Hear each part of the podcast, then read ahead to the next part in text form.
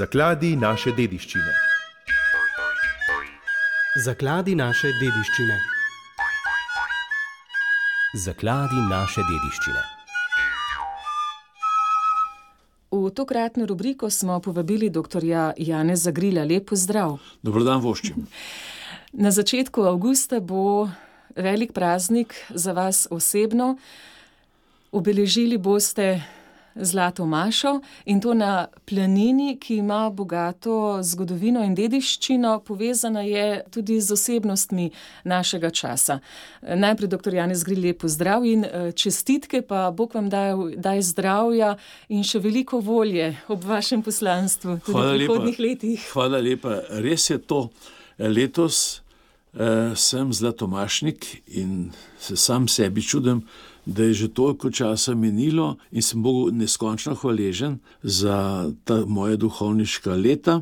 Obletnica bo seveda že prej, ampak ko so te zlate maše, seveda človek želi na zunaj pokazati svoje veselje in hvaležnost Bogu. V domači župni Dolenskih toplicah bom imel že eh, mašo, pa tudi v novem mestu bom imel, ampak tisto za me, pa tudi za večino prijateljev, glavna pa bo maša pri kapeli Marije Snežne v planini Jasenje, to je nad gozdom Martulkom, med prvim in drugim slapom, in ta kapela ima res bogato zgodovino. Planina Jasenje. Planina Jasenje, po mojem izraz, prihaja od jase. V gozdu Martulku pri starem špiku se gre levo, išče se smer za prvi slap, tam je lepa planinska pot, in potem mimo prvega slapa, malo višji, prideš na jaso, tam je ena brunarica pri Ingotu, tam je prva pomoč za tiste, ki so utrujeni, lačni in ženi. In potem po jasi, po travniku, naprej še 300 metrov, mimo ene zelo stare lipe, ki ima mati lipa in njenih sedem hčera, to je tako ogromen grm lip, starih nekaj stolet mogoče. In potem je ta kapela Marije Snežne. Njena zgodba te kapele je pa zelo zanimiva. Bogoslovci po prvi svetovni vojni, ko so študirali teologijo, so naleteli tudi na nemško liturgično gibanje, ki je poudarjalo doživetje Boga v naravi. In to je bilo mladim fantom takrat všeč, in so rekli, ali imamo pri nas kje kakšen čudovit kotiček, kjer bi mi doživljali to božjo lepoto v stvarstvu. In eden od teh fantov je bil doma iz Krajinske gore in se je spomnil, da je tam pod Akom, pod Špikom, da je ena lepa planina. In tako so leta 1924 postavili kočo za 15-20 ljudi, kamor so hodili na počitnice. Mladi gospodje so čez nekaj let postali duhovniki in za maševanje so morali eno uro daleč v dolino, v gost Martulk, kjer je kapela. In so rekli, postavimo še kapelo. In so 200 metrov od koče postavili kapelo, Vurnik je bil pri oblikovanju poleg, lesena kapela, tako tipična.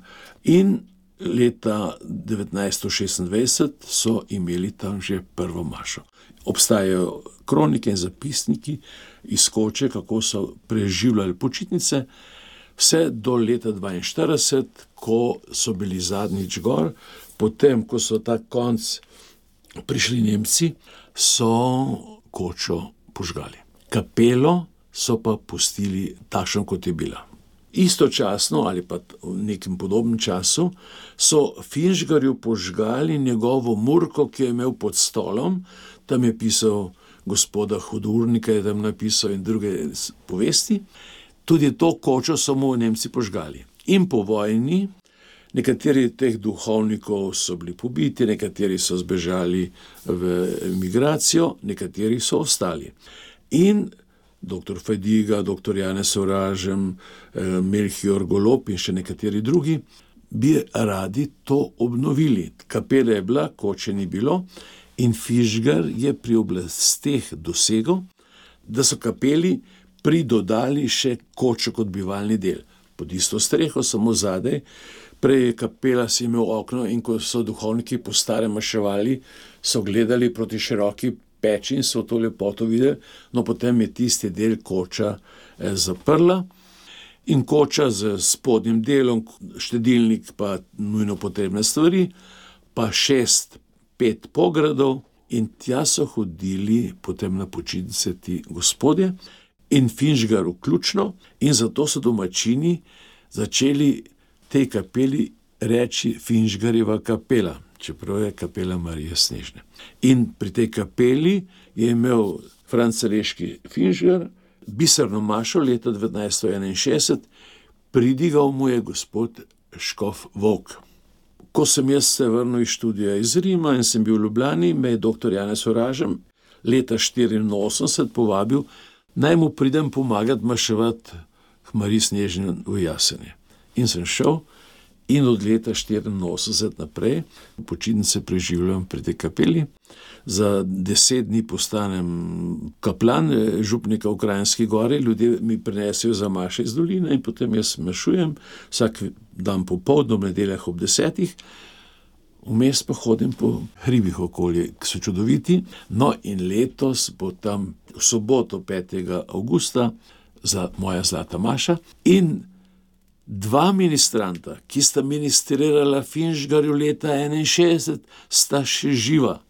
In sem ju prosil, naj zdržite še eno leto, ker bosta letos častna ministranta sedela, bosta tam pred oltarjem kot Finžgarjeva ministranta iz leta 1961.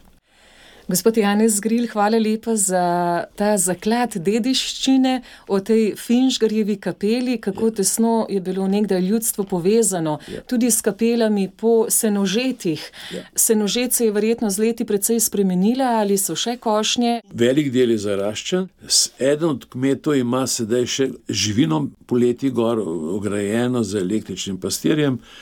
Prvi kmet, vsi že pokojni, ima vnuk od zadnjega kmeta, je postavil brunarico pri Ingotu in tam se ljudje lahko na poti proti drugemu slapu in zak Okrepčajo. In vsi, eh, ki pridejo teh maš, je ravno tako. Tako da je planina obdržala svojo podobo, vendar ne v celoti, pol je zaraščena. Je pa še živa. V Brunarici. Kapeli in v Brunarici veseli smo, da je kapela preživela, da sabo nosi to bogatstvo, ker je tudi v bližini največjega Marijinega praznika. Eh, Kaj pa ta prežetost? Planine, gore, Kapele Marije Snežne so v glavnem postavljene po gorah. Tako je tudi ta, tako je na Veliki planini, tako je marsikje drugot. Ljudje prihajajo in običajno je bilo za veliko mašo ob desetih pri maši, tam pri meni na Jasenju, 300-400 Oh. ljudi.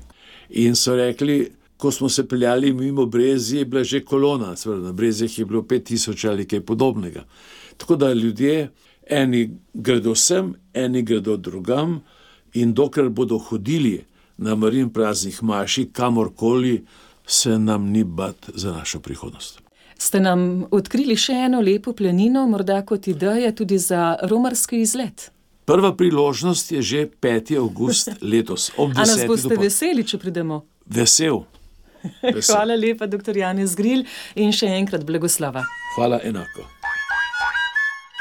Zakladi naše dediščine.